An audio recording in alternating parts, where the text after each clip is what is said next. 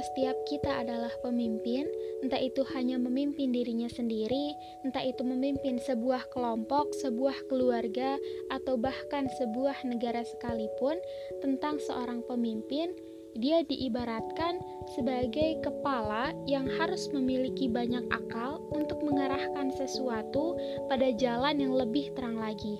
dia harus mampu menyatukan beberapa pikiran, sikap, dan mengambil tindakan terbaik untuk kondisi yang lebih baik.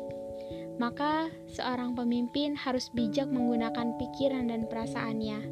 Dia harus memiliki pikiran yang besar dan panjang untuk mengambil keputusan dan arahan yang menjadikan sesuatu itu lebih baik,